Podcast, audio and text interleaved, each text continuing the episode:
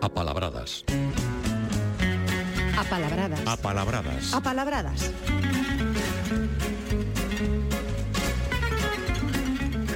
Pois sí, como é habitual, xa temos eh, no día de hoxe unha nova entrega das apalabradas con Paulino Novo. Que tal, Paulino? Bos, días. días. E benvido, como non. Eh, lembrarás que hai un, uns días, eh, un par de sábados, eh, falamos da palabra axotar, que significa escorrentar animais. Lembro perfectamente que comezaches a explicarnos como se axotaban, por exemplo, os cans nas igrexas. Agora habería que axotar moscas, porque estamos Tamén, en, sí. en temporada alta. Sí. Eh, explicábamos eh, que se creaba da intersección xo, e hoxe traes a intersección, que significa todo o contrario, que arre, hai que contalo así ben e eh, polo e devagar, eh? Pois precisamente para falar da palabra arrieiro. Agora xa non quedan arrieiros, por certo, que é un oficio desaparecido, tristemente, como tantos outros, pero que donos a palabra precisamente para aplicar a persoas con non moi boas atitudes. Sí, hai de todo, sí. Hoxe non hai arrieiros, hoxe hai camioneiros que antes se movían no, a mercancía que a mercadoría que se movía nos carros, hoxe móvense en camións ou noutros medios, non? Eh, e, e efectivamente, de, da intersección xo, digamos ese axotar que ti mencionabas, e de arre temos a Rieiro. A persoa que vai dicindo arre, arre, arre, pois acaba tomando o nome dese, deso que di, pois acaba tomando nome, son eh, arrieiros. Non quedan. Pero sí que se fala dos arrieiros. Entón imos darlle un repaso e non se fala como non hai arrieiros, non non temos tampouco ningún problema en se hai que dicir algo malo que os asocia, non pasa nada porque non nos metemos con ninguén, porque non nos hai. Pois pues, se me permites, antes de que continúes, eu teño que dicilo, ah, arrieiros somos e no camiño nos veremos. Nos veremos, sí, sí, aí, aí, aí os arrieiros identifícanse co, co, cos humanos, con, con todos, non? Sí, sí, sí, ves? Pois pues mira como usamos. Pero temos outros us, máis usos. Eh, en portugués dinlle eh, din arrieiros ou arrieiros, din, de, din das dúas formas tamén. En galego é un arrieiro é tamén unha persoa inculta, unha persoa bruta, unha persoa groseira. En portugués, este arreeiro ou arrieiro é tamén unha persoa groseira, maleducada, a que fala coa boca sucia ou con palabras gordas. E teñen en portugués portugués unha, unha, unha composición moi bonita que é Arreburriño para a persoa que obedece cegamente a outra ou o que se presta a burla de, a burla de todos. E teñen tamén, por cambiar en portugués, arreado, pero que vai adornado. Eh? Por un pouquiño por comparación a como se adornaban tamén as, os animais, as bestas. En castelán teñen arreado, frouxo para o traballo ou preguiceiro e tamén para unha persoa que sae veloz para facer algo. Esta acepción, claro, basease na, na propia intersección arre, arre, veña, vai veloz, non? En castelán teñen tamén rieiro para mal educado ou, ou mal falado. E no castelán de América teñen unha expresión que é mal arreado para unha persoa de mal xenio. En galego temos tamén, igual que arrieiro, temos arrocheiro, eh? que é unha palabra que, aparte de denominar o oficio, en Pintos xa figura tamén como un insulto. Se xa que mira ti, arrocheiro, arrieiro, arrocheiro, arrocheiro. E en portugués teñen, ademais de arrieiro ou arrieiro, teñen almocreve, que tamén o que se dedica, o que ten este oficio. Este almocreve ten o significado figurado mentireiro é unha palabra de orixe árabe, pero mira como vai tendo connotacións pero, pero todas negativas. Hoxe temos parecido ou foi parecido os carreteiros, o que levaba eh, unha carreta ou que levaba ou que levaba carga. E o carreteiro tampouco se libra, Victoria. Tampouco. tampouco se libra. Co, co esforzado do seu traballo. Sí, en Rubia xa a principios do 17, en Castelán, aparece carretero, son de ordinario hombres de fuerza, groseros y bárbaros. e recolle a expresión juran como un carretero. Algo que ainda nos dicimos, pero xa, pero xa aparecía, xa, xa ven de vello, o sea que esa afección que vimos antes tamén para os arrieiros que falan un pouquiño con palabras gordas, xa estaba tamén nos carreteiros. O que son paulinos usos e os costumes, como sí. logran traspasar os tempos, e eh? como se sí, manteñen. Como se manteñen. Cando algo cando algo cae ben ou nos serve, ainda que sexa como neste caso, para meternos con alguén, ou, bueno, eh, redondea certas redondea, frases. eu aceptamos e entendemos todos eso, consérvase na lingua. En castelán teñen tamén carretero para a persoa de mala ou pouca educación e a persoa que blasfema e a persoa groseira. E, e os que teño... fuman... E, era o que iba a dicir, mo da punta da lingua. Como é a comparación para a persoa que fuma moito. Fumar, fumar como, como carreteiros. E xa para rematar, unhas acepcións curiosas. En territorio asturiano oriental de fala galega, é din carreteiro para o último fillo. En portugués chamanlle carretera, mira, a algo bonito, ben bonito, a Ovella Obreira, porque está está carreta, está carretando constantemente. Entón, a Ovella Obreira, a carreteira. Eh? En portugués teñen tamén acarrado, carregado, ou carregado de miúdos, pro que vai cargado de alcohol, pro borracho. Pois sabes que che digo, non agardaba eu mm, desde logo tanta eh, sí, tanta asociación tanta, sí, sí, hoxe sí, non, esta... non encontramos moito positivo mm. pero bueno, hai, asoci hai asociacións curiosas sí. Paulino, eh, estás cómodo por certo na tua cadeira? Sí Digo porque na miña eh, roxe un pouquiño Sí, algo se nos movemos e, e non estamos quietos, eh, algo roxe, sí. Por que che fago esta pregunta, esta consideración? Porque chamamos de cadeira a, a iso no que estás ou estamos sentados, pero o que non podemos é chamarlle silla. Curiosamente, é unha palabra que temos moi, moi metida na lingua diaria. Sí, pero silla non, non, non o debemos dicir. Debemos dicir a cadeira, o asento individual, con respaldo, eh? se non é o tallo ou outros nomes. Con ou sen brazos, eh? Tampouco, igual que non podemos dicir silla, tampouco podemos dicir sillón, que ten, o, que ten os, os brazos. A cadeira é, por metonimia, da parte do corpo que se asenta aí, non? Esa parte saínte debaixo da, da cintura. Hai moitos, moitos nomes de corpo da partes do corpo que dan nome a algo relacionado no que poñemos. O coxín, por exemplo, é da coxa, da última, da parte de arriba da perna. Ou o respaldo que imos falar agora tamén a continuación, é onde pos, a, en principio, a palabra espalda. Eh? que recolle moi ben a nosa cadeira. Exactamente, exactamente. Que importantes son estas partes da cadeira. En galego sí que temos respaldo, eh?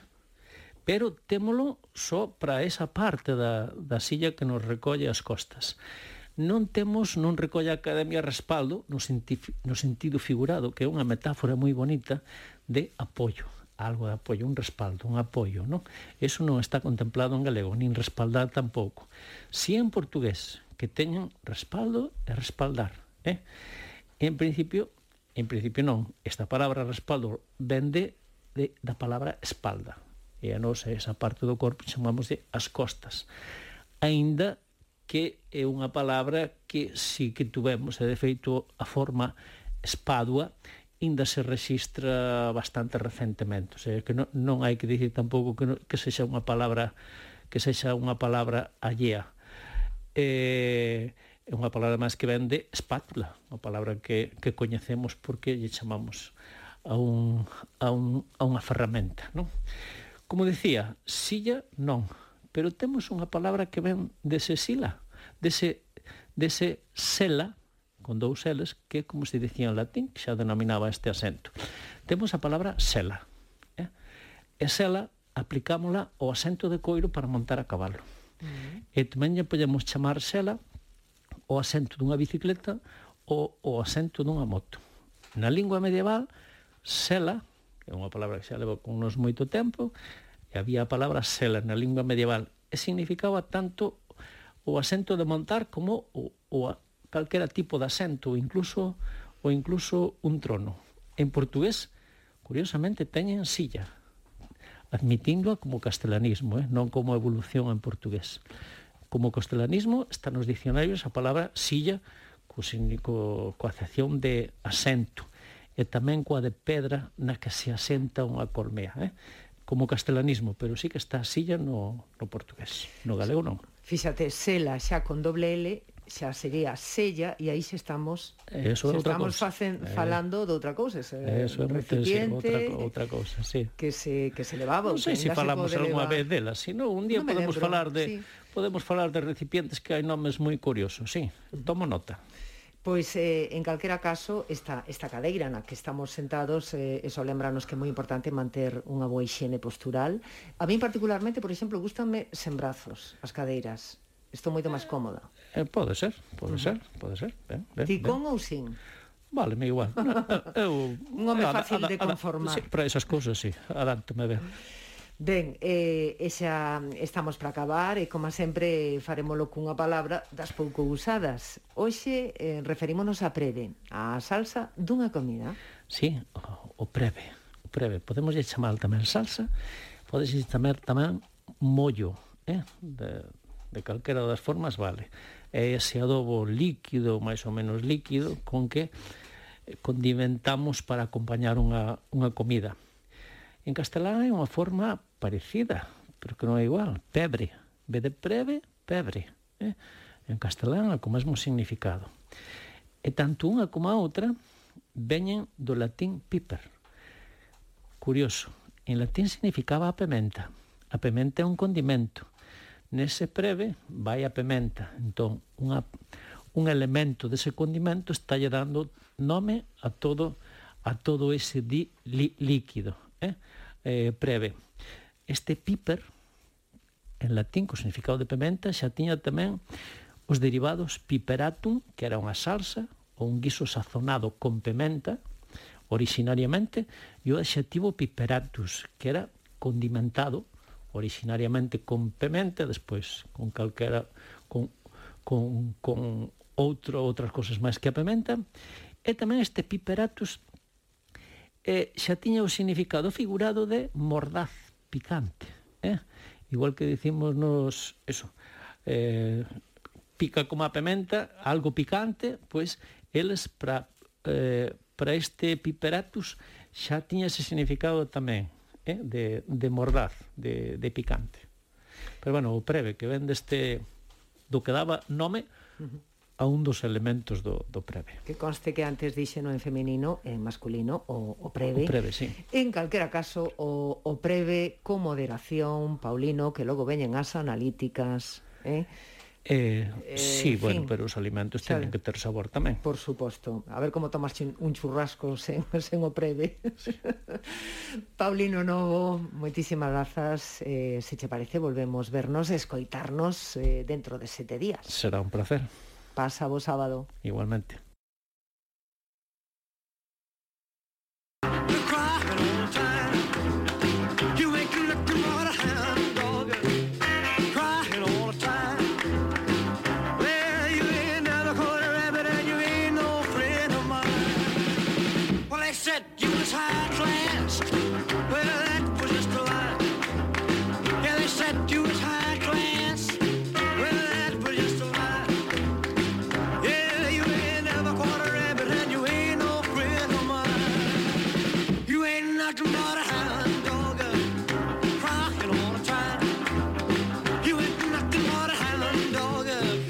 de hoxe marcado tamén por moitas efemérides, por exemplo, esta de Elvis Presley, porque o 2 de xullo pero do ano 1956 Elvis gravaba esta canción que lle daría o empurrón definitivo á súa carreira. Can de Caza.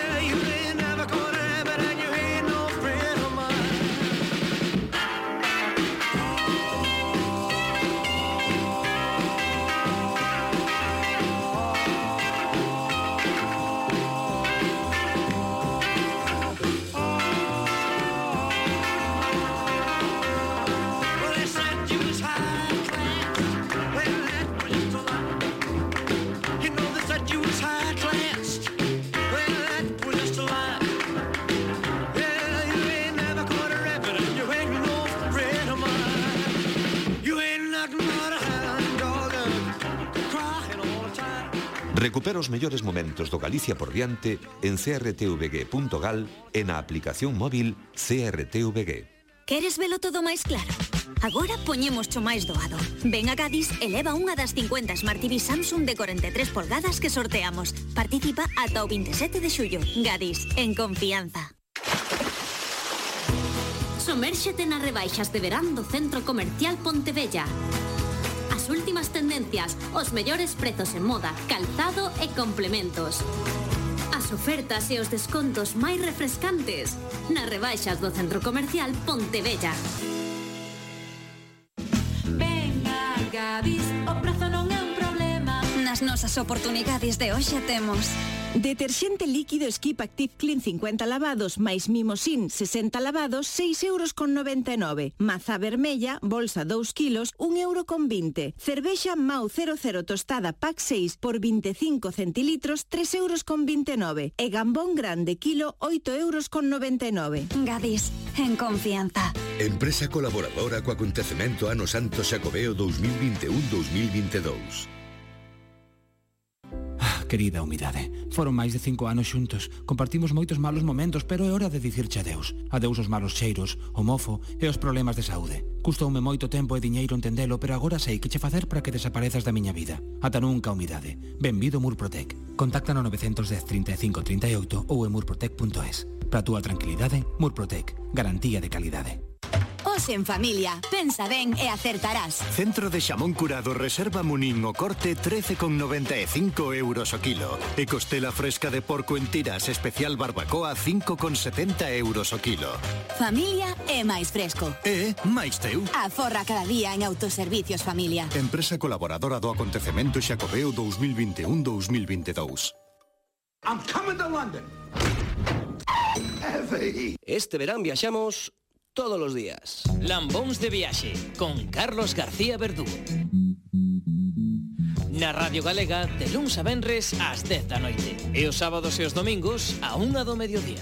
E xa sabes, sempre que queiras, en radiogalega.gal. Solo hay que ver lo guapos que estáis.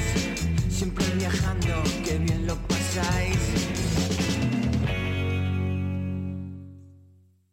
Galicia por diante con Victoria Rodríguez nas fins de semana da Radio Galega.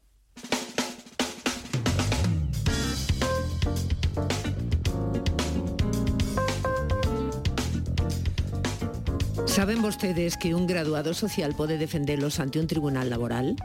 que pode xestionar un permiso de traballo para un inmigrante? Ou mesmo que os graduados sociais foron os encargados de tramitar os seres na pandemia? Pois hai un mes o Colexo Oficial de Graduados Sociais de Pontevedra, ubicado en Vigo, celebrou eleccións que gañou por terceira vez Raúl Gómez Villaverde. Isabel Freire quixo aproveitar a ocasión para preguntarlle ao presidente sobre o traballo que realizan de gote os graduados sociais. Raúl Gómez Villaverde, que tal? Moi bons días. Bos días. Leo, Raúl, eh, algo que me sorprendeu.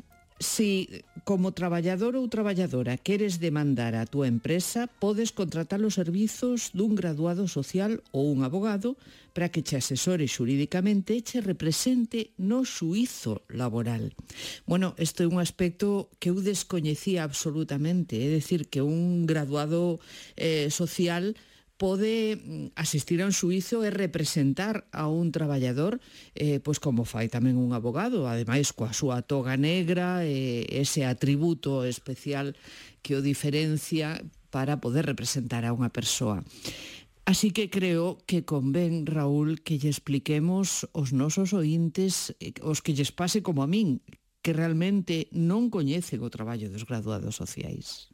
Efectivamente, os graduados sociais eh, somos unha profesión desconocida para a sociedade. Eh, a lei reguladora da xurisdicción social pois establece que a representación no xulgado social pode ser por abogado, por curador ou graduado social colexiado. Entón, nós, pois, xa desde hace moito tempo, estamos representando técnicamente, así é como dice a lei. A nosa é unha representación técnica dos cidadáns, das empresas, no xulgado do, do social. Mm. Mm, pois isto foi algo que ao largo do tempo fomos loitando e fomos conseguindo nas nosas competencias en materia en materia judicial, xa que nós somos unha profesión que por un lado ten xestión, que toda a xestión laboral e, por outro lado, ten procedimento que é a representación no xulgado. Primeiro, íamos á sala do social e nos sentábamos nas bancadas do público. Mais adelante xa nos deixaron subir os estragos. Mais adelante xa nos deron unha toga, igual que o resto de profesionais que actúan no xulgado social. E xa para rematar, pois, xa non solo eh, a representación na primeira instancia que é o xugador social, senón que tamén xa podemos presentar recursos de suplicación ante o Tribunal Superior de Justiza. Que é o que nos falta por rematar para completar todo o que nos habilite no xulgado social? Pois faltanos pois simplemente a habilitación no recurso de casación ante el Tribunal Supremo, ante o Tribunal Supremo, e por último o cumprimento da lei de, de a lei de enxuciamento civil que señala que crearase un turno de oficio social igual que ten os, os, os abogados un turno de oficio, pois pois nós tendremos que ter ese turno porque así o indica unha disposición adicional, un décima creo, da lei de enxuciamento civil. Nos desde o Colexio de Pontevedra xa estamos levando esa labor. Tenemos un turno que atendemos aos cidadáns sin recursos os xoves pola tarde, onde estamos apuntados 18 grabados sociais e onde damos asistencia xurídica a, aos cidadáns que non ten recursos e non poden pagar. O ano pasado, a Consellería de Emprego e Igualdade subvencionounos este servizo e eh, pagaban nos, nos, nos pagaron unha cantidad de 50 euros por consulta Este ano estamos en negociacións coa Consellería e creo que tamén vamos a poder ter ese, ese digamos, esa remuneración a ese servicio que estamos dando aos ciudadanos. Uh -huh. E máis ou menos é unha, un, un resumen breve de, de quenes somos e a que nos dedicamos, non? Está moi ben, Raúl. Si me permite, se me olvidou unha cousa, é que quería reconocer, recoñecer, quería recoñecer a todos os graduados sociais a súa labor durante a pandemia. Durante a pandemia, eh, al non ser, non ser nos unha, unha profesión moi moi conocida, pois durante a, palde, a pandemia o traballo noso foi brutal. Brutal é fundamental para que siguese existindo o estado de benestar, porque nós tramitamos todos os artes e todas as prestacións colectivas dos traballadores que estaban na súa casa. Caramba. Os traballadores, os traballadores non podían sair da súa casa a tramitar nos servicios, no SEPE, as súas prestacións. Ben, quenes fixeron todas as tramitacións do ERTES e quenes fixeron todas as solicitudes colectivas de desempleo dos traballadores, os graduados sociais das distintas asesorías que traballan, neste caso na provincia de Pontevedra, en Galicia, eh, en España. Entonces, desde aquí, porque sí é certo que eh, é normal que se recoñezca, que se recoñezca os médicos eh, e outro tipo de profesionais, pois eh, forzas de seguridade do Estado, a súa labor, pero os graduados sociais, como ben dixi, non son coñecidos na sociedade e tampouco están recoñecidos neste, neste. Eu teño compañeiros que fui a visitar na, na miña provincia que traballaban 12 e 14 horas de reo para poder sacar adiante todo isto. E o recoñecemento é cero, moitos están incluso con tratamentos psicolóxicos porque a presión foi moita. E gracias á labor de todos estes graduados sociais que somos completamente eh, transparentes ante a administración, xa que para a administración o que conta é a empresa e a administración, pero todos os graduados sociais que levábamos a xestión de todas esas empresas fomos os que realmente sufrimos, sufrimos e traballamos para poder sacar adiante todo isto. Pois é que é eh, moi importante, a verdade, Raúl, que nos digas todo isto, porque creo que todos o descoñecíamos ese traballo, e, e, e é hay que estar agradecidos precisamente a ese labor, porque tramitar o ERTE nesa situación foi un traballo para vos moi grande, pero era moi necesario porque a xente se estaba xogando moito aí, non? E que non só é tramitar os ERTES, que tramitamos todos os ERTES, onde a principio as autoridades laborales que eran as que concedíamos ERTES, nin siquiera sabíamos como iban a tramitarse mm. porque hablábamos de ertes de forza maior e non sabíamos se eran forza maior, se non eran forza maior, se eran causas objetivas, se non eran causas objetivas. O principio teñían que tiñan que resolver estes ERTES nun prazo de cinco días, en a administración non podía resolverlo nun prazo de cinco días, E logo despois diso, despois diso, logo pasaba que pasa cos traballadores, como solicitan a prestación, porque non todos os traballadores ten medios tecnológicos para poder solicitarla desde casa. Pois, ao final, regulouse e díxose, as empresas teñen que tramitar a prestación colectiva de todos os traballadores. E quen fixo eso? Os graduados sociais. Os graduados sociais que traballan para esas empresas, nas asesorías, tramitaron todas as prestacións colectivas de todos os traballadores. Entonces non había días, nin había horas Claro, Mentras claro, a xente claro. estaban na súa casa, os, os traballadores sociais estaban traballando 14, 15 horas. Para que? Para que os estados de bienestar, ao final de ese mes os traballadores pudiesen cobrar a prestación por desempleo, por desemprego, porque sin ese traballo non se fai, os traballadores non cobran a prestación por desemprego e os traballadores non ten ingresos para poder vivir ese mes. Entonces, eso é algo importante que ten que saber a población, que os graduados sociais fixemos unha labor moi importante para o estado de bienestar. Desde logo. Está ben remarcado, sí señor. Raúl, teño a sensación de que aumentou, a pesar de que cada vez se está legislando máis e que te, acabamos de ter unha reforma laboral que polos datos parece que está tendo o seu resultado, dá a sensación tamén de que a litigosidade laboral aumentou. É así?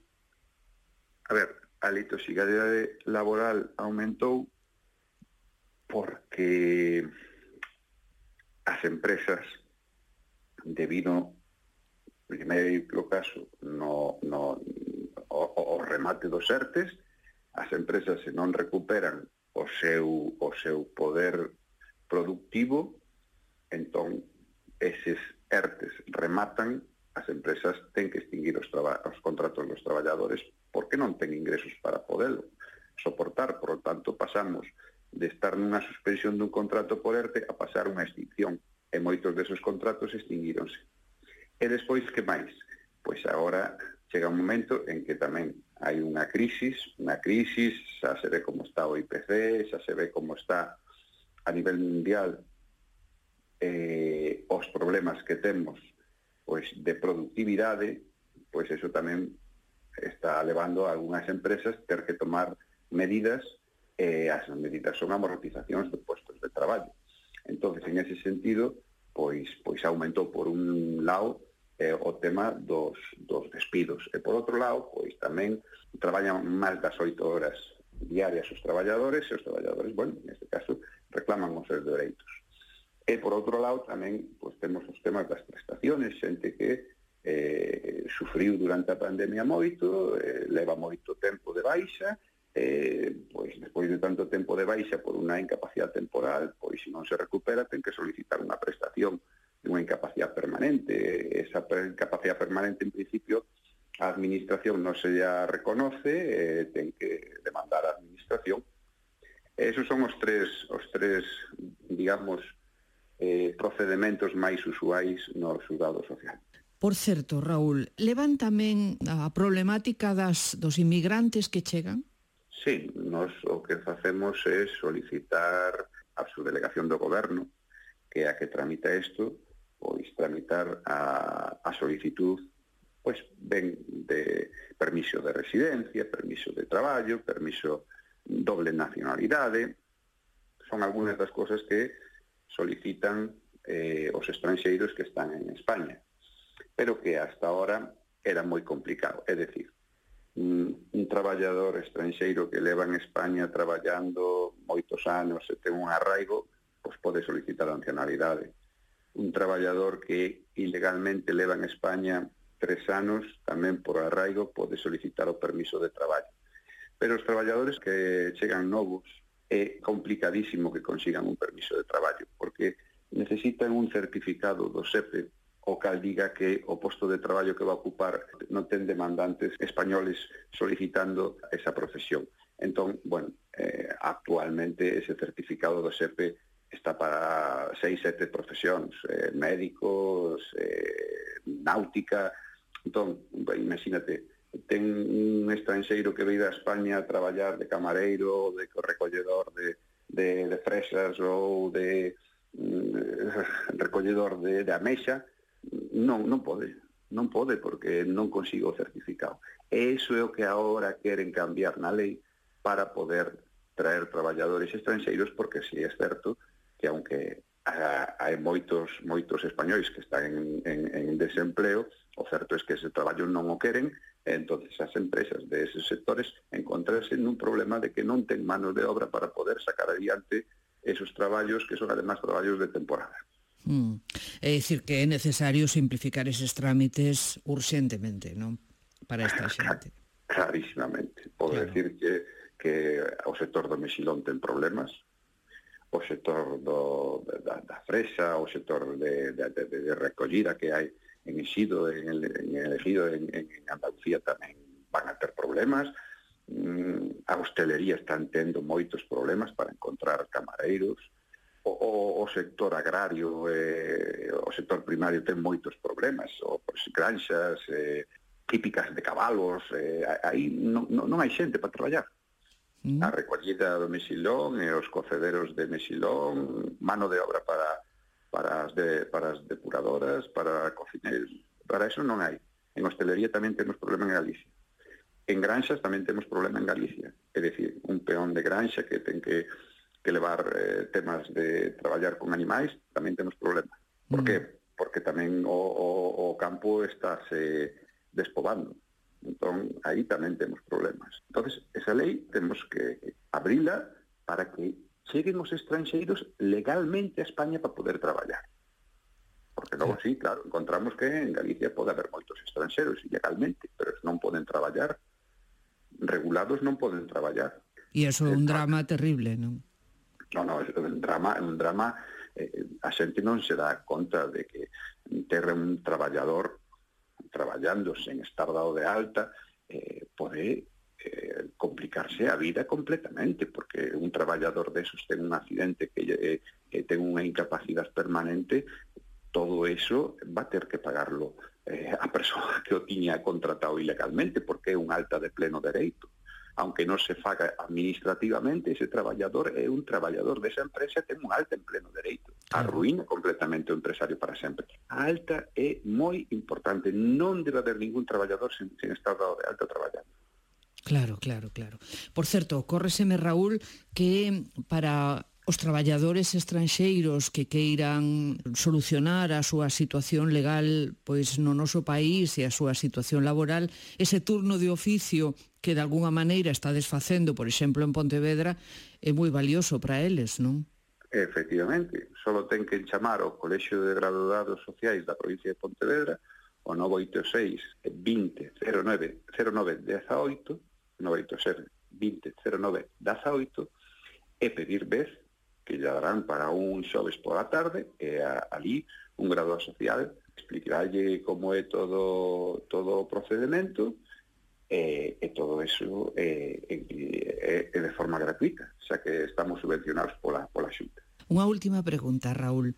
Non sería conveniente, non sei se algunha vez barallaron esa posibilidade, a cambiarlle o nome a súa profesión, porque graduado social quizáis se presta a certa confusión incluso con outras profesións, non? como traballadores sociais, por exemplo, asistentes sociais. Non sería bo cambiarlle o nome mm, para diferencialo un pouco máis? Sería bo, sería bo. De tanto que sería bo. O que pasa que non é fácil, porque o nome foi hace moitos anos, é unha profesión que sae dunhos estudios propios do Ministerio de Traballo, alá por os anos 50, hasta que ao final vas a ser unha escola universitaria coa diplomatura de grado social e despois vas a ser o, o, o diplomatura de relacións laborais donde xa pois o nome, digamos, universitario é mellor, relacións laborais, xa se entende mm. máis, e agora é un grado, un grado en recursos humanos e relacións laborais. E xa se entende bastante máis, recursos humanos e relacións laborais, sabes? Efectivamente. Entón, baixo o meu punto de vista, é moi fácil eu as demandas o pongo, eh, pongo graduado social guión laboralista. La palabra es laboralista.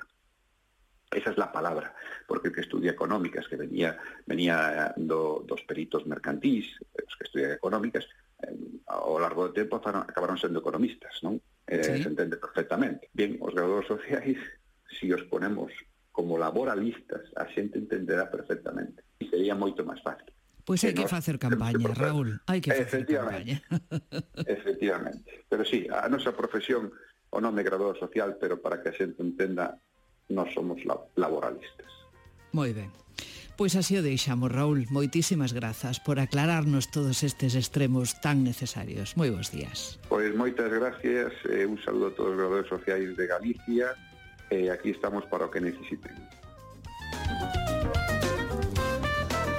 Con cambio de nome ou non, eh, hoxe coñecemos algo máis a propósito desta, desta figura, desta profesión, graduado social, dende logo eh, un, un labor que desenvolven un labor ben interesante na sociedade nos tempos actuais. Son as 10.41 minutos.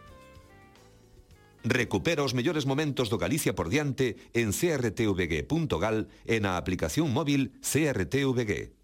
Estivemos no Porto. Claro, este foi o partido de ida e agora queda o partido de volta. pois o partido de volta xógase hoxe en Sanxenxo. Unha gran batalla por saber se canta mellor a Orquestra Galega Cinema ou a portuguesa Funsao Pública. Para catar o mellor bacallau, será a receita galega ou a portuguesa. E mesmo por escoller entre saudade ou morriña. A batalla definitiva, hoxe, no Aquí Portugal ou Aquí Sanxenxo, na televisión de Galicia.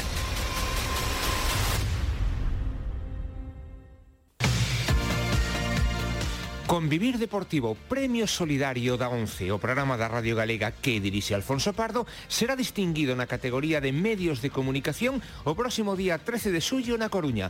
A gala está organizada polo Grupo Social 11 Galicia.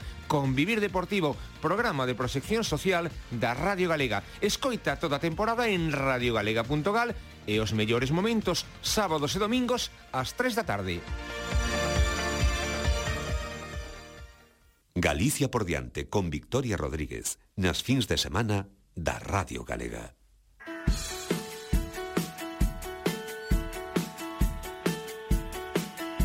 No punto de mira.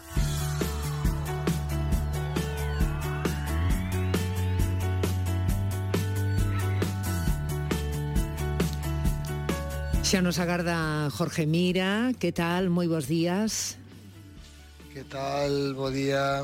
Antes de nada, Gardo, que estea recuperado, entendo que sí, sobre todo porque esta semana tiveches oportunidade de presidir o xurado dos premios, premio, eh, como era? Novo? Peña Novo. Eh, Peña Novo, Peña Novo. Bueno, recuperado de todo, non, mm. despois falaremos disto, eh, pero primeiro vamos coas cousas gratas, eh, que como moi ben dis, este ano tive o honor de ser o presidente dos premios Peña Novo, que levan xa 28 anos de historia, un premio que, que eu tiven a honra, a honra de gañar xa fai casi unha década. E, bueno, pois no xurado decidimos premiar este ano a, a Rodrigo Romaní, entre outros, coñecido por todos, eh, que foi líder de Milladoiro, eh, bueno, agora está metido en outras iniciativas, eh, premiar a nova escola galega e tamén a, como estamos nunha sección de ciencia, a María Luisa Castro Cerceda, bióloga, que que foi bióloga, que foi unha das pioneiras da, da micoloxía en Galicia. A micoloxía que é a, a disciplina que estuda os fungos. Ela mesma pois eh, ten descoberto algunhas especies, como a, a manita porrinensis, agora está xubilada, era profesora da, da Universidade de Vigo, E, bueno, pois estaba encantada de que recoñecésemos o seu labor con, con este premio, que ten unha posta en escena eh, realmente espectacular no, no Castelo do Soutomaior, ali no patio de armas, cunha, cunhas sillas en plan premio Nobel, eh, moi bonito, e usa fun ali varias veces, o ano que gañei eu, eh, despois outro que fun presidente que propuxen a Ángel Carracedo que gañou tamén eh, e sempre teñen unha música, un nivel de música tremendo. Eu, cando fora a miña cerimonia, cantaba Guadi Galego, cando gañara Ángel Carracedo fora, creo que era María do Ceo, eh, eh, este día estaba Susana Seivane, o sea que... Mm. teñen un, un moi bo nivel. Na... Sí, sí, sobre todo na posta en escena, moi, moi, moi cuidada. Eu teño asistido a, a moitas cerimonias, eh, teño estado de presidente en varios xurados e a, a cerimonia esta que se monta ali en Soutomayor, mmm, bueno, eh, tremenda, vamos. Pois estas son as cousas eh, gratas, empezando empezamos eh, falando das cousas gratas, por suposto desde aquí, noraboa a todos os premiados e premiadas, entre as ingratas, pois eh, o, o feito de que o coronavirus, as cifras de, de coronavirus non paran de subir, xa sabes que Sanidade volve recomendar o uso das máscaras. Dou fe de que o coronavirus eh, sobe, porque, bueno, eu, como sabes, sí. enfermei fai uns días, aínda teño algún restiño. Aínda se percibe, eh, a lo menos na voz, non? Sí, sí, sí, sí, de feito, bueno, saiu unha noticia na prensa sobre a miña enfermidade que se fixo medio viral, todo o mundo preguntándome, bueno, todo contámolo mundo nos antes, enfermo. eh, a tua enfermidade contámola nos antes de que chegase a prensa. Sí, sí, sí, sí, bueno, pero eh, eh bueno, ah, non sei por que teño a sensación de que se está infectando moita xente, pero claro, a clave é que eh, a variante Omicron, que xa lembremos que era unha variante das cepas orixinais do virus, está tendo dúas variacións fundamentais con nomes tan pouco románticos como L452R e F486V que afectan a, esa, a esas espiñas que ten o virus, non? Esa, esa pinta que ten de, como de punky, este virus así con pinchos para fora, E eses pinchos son os que se usan para detectar, son os que se mantiñen para detectar se temos infección ou non. E o noso corpo e os anticorpos que desenvolvemos coas inmunidades previas a coas vacinas están preparados para reaccionar ante esas, eh, digamos, eses pinchos. Non? Que ocorre? Que estes cambios o que fan é cambiar eses pinchos. Entón as novas variantes chamadas BA45 e BA eh, BA4, eh, BA4 e BA4, BA5, eh, como cambian ese pincho, parecen ter unha maior capacidade para infectar a xente que era inmune ás outras formas de Omicron e das anteriores variantes. Eh, incluso eh, o que está pasando é que eh, isto é como se fose un cambio de chaqueta do virus. Entón ese cambio de chaqueta é eh, como se temos os anticorpos e a nosa inmunidade que fose un portero de discoteca, e o virus pois, como que se pon unha chaqueta distinta e pasa agochado e o, e o, o, o, o, o segurita da porta non o detecta. Entón, eh, parece que estes anticorpos que, que, que se foi van xenerando pola, pola vacinación ou por, por enfermedades anteriores non son tan efectivas para bloquear estas novas variantes. Eh, entón, eh, isto eh, é a, a clave que fai que neste novo salto do, do coronavirus está infectando máis. E, de feito, a, ao que se espera que cada vez que sea máis difícil o bicho pois mutar para seguirnos fastidiando, non? Porque cada vez o corpo humano vai se reforzando máis e o bicho vai ser máis difícil encontrar maneras de fastidiarnos, pero esta é a guerra da bioloxía, esta é a guerra da, da evolución. E o que tamén fai isto é que está levando a que as reinfeccións sexan máis comuns. De feito, o caso máis famoso que houve no, pois no mundo foi o, o do señor Stephen, Col Stephen Colbert, que era este home que sustituiu a, o famoso David Letterman non neste late show do, da CBS, pois que se reinfectou dúas veces en menos dun mes. E está habendo casos de xente que se, que se reinfecta moi rápido e que queda sorprendida porque pensa que tras enfermar e tras pasar a, a, a COVID, que se queda como con carta branca para dar voltas por aí adiante sen ningún tipo de problema. Craso erro. Hai xente mm. que se reinfecta e incluso alguna xente que se reinfecta e está peor que cando tivo a primeira infección. Entón, e que se entón, reinfecta ollo, varias veces. E que se reinfecta varias veces. Bueno, dúas e tres veces. Hai cada vez máis casos de xente que se reinfecta dúas e tres veces. Entón é por isto, porque estas novas variantes están creando unha nova chaqueta, esa nova chaqueta tapa ao coronavirus de modo que é capaz de eludir en certo modo o sistema inmune que eh, toda a inmunidade que tiñamos adquirida por, por vacinas e por outras enfermidades anteriores. máis casos de reinfección, pero afortunadamente, digo afortunadamente, pois polo que se pode constatar, eh, menos graves.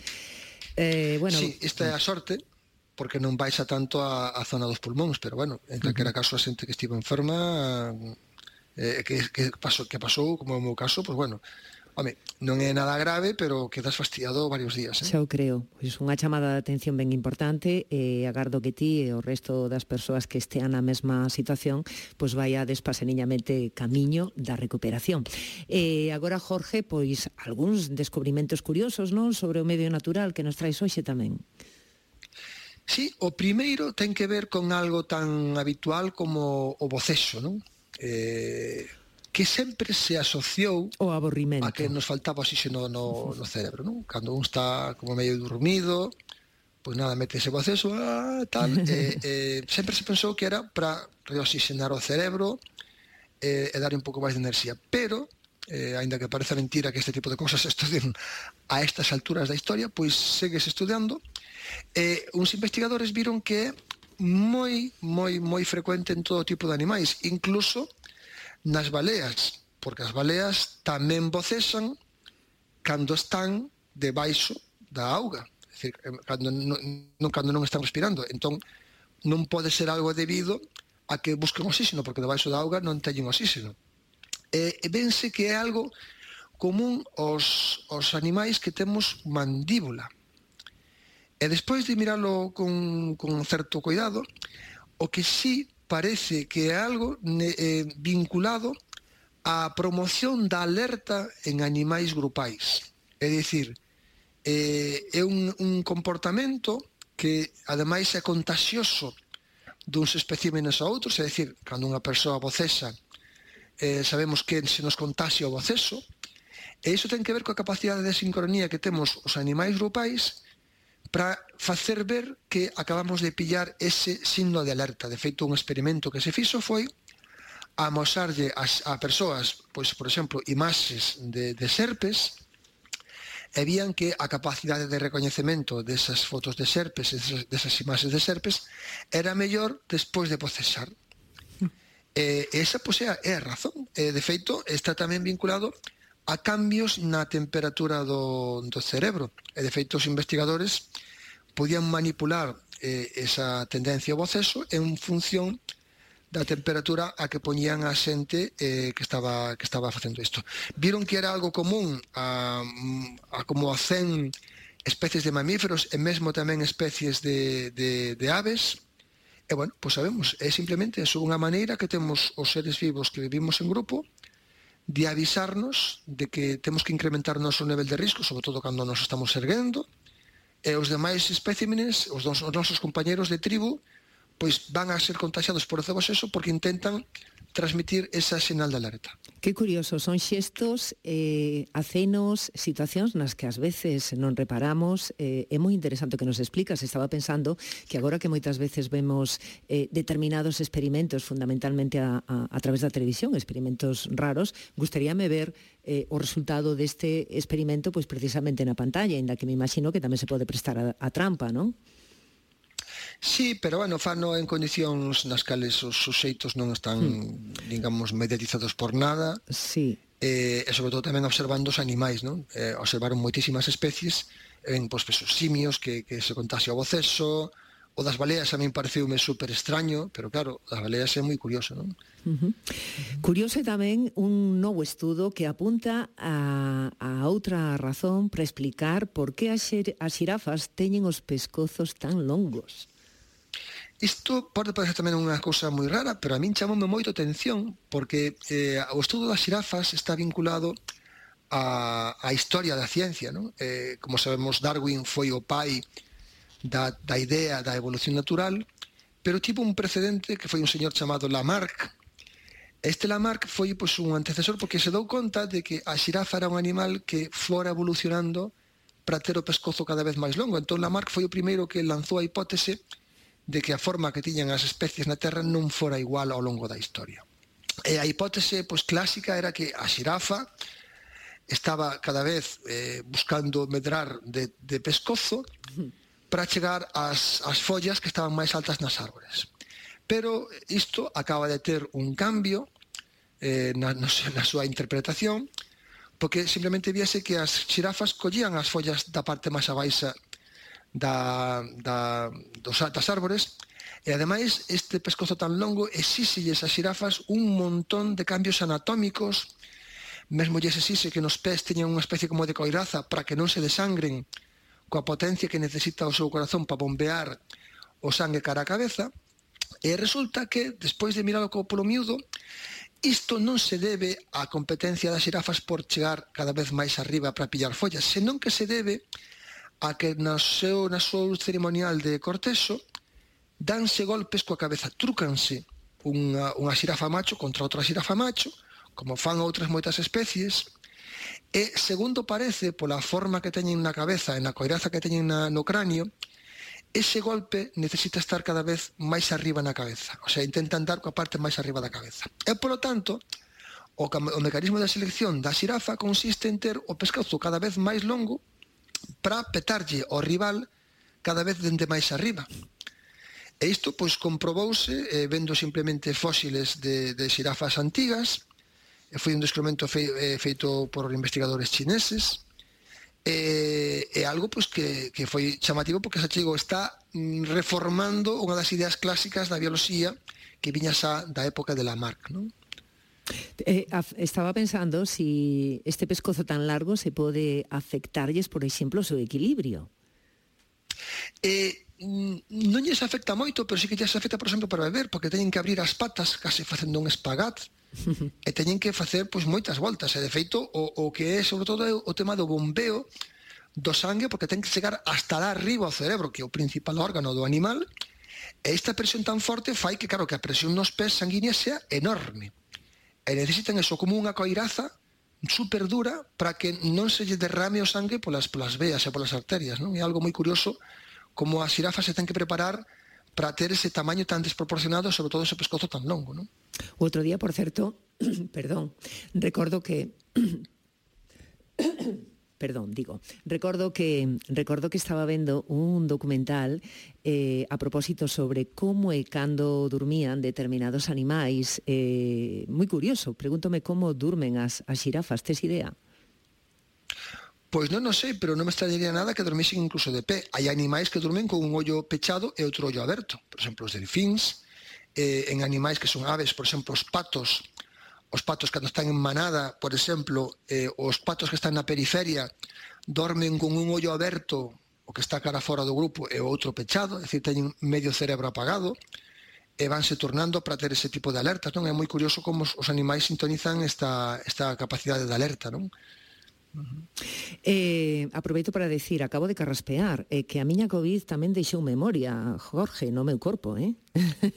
tamén eh, deixou memoria me na miña gorxa, eh? Sí, a min tamén me ocorre, bueno, temos que dicir que bueno, as novas variantes parecen afectar menos a, a COVID persistente, que ese temor que todos temos, non os que pasamos a, a COVID, pero segundo parece, estas novas variantes pois son menos proclives a crear esas esas Covid persistentes, non? Eh, pero en calquera caso, xa te digo, as, as, os números están medrando tanto, tanto, tanto, as incidencias por maiores de 60, que son o único número que se computa, están chegando a, a 1000, E eh, isto xa, claro, imagínate que non que contásemos como contábamos antes, pois estaríamos en incidencias estratosféricas. Entón eu pois, creo que vou apelar a, ao recordo de que isto non pasou e que a máscara é a ferramenta fundamental para controlar isto, porque parece que non temos coronavirus xa, e isto é un craso erro. Eh? Eu aí hai que ter un certo cuidado. Jorge Mira, moitas grazas por acompañarnos un sábado máis eh, coa túa colaboración por contarnos sempre cousas tan interesantes eh, para a vindeira semana queremos te xa recuperado totalmente e damos xa alta eh? a ver moitas grazas Veña, chao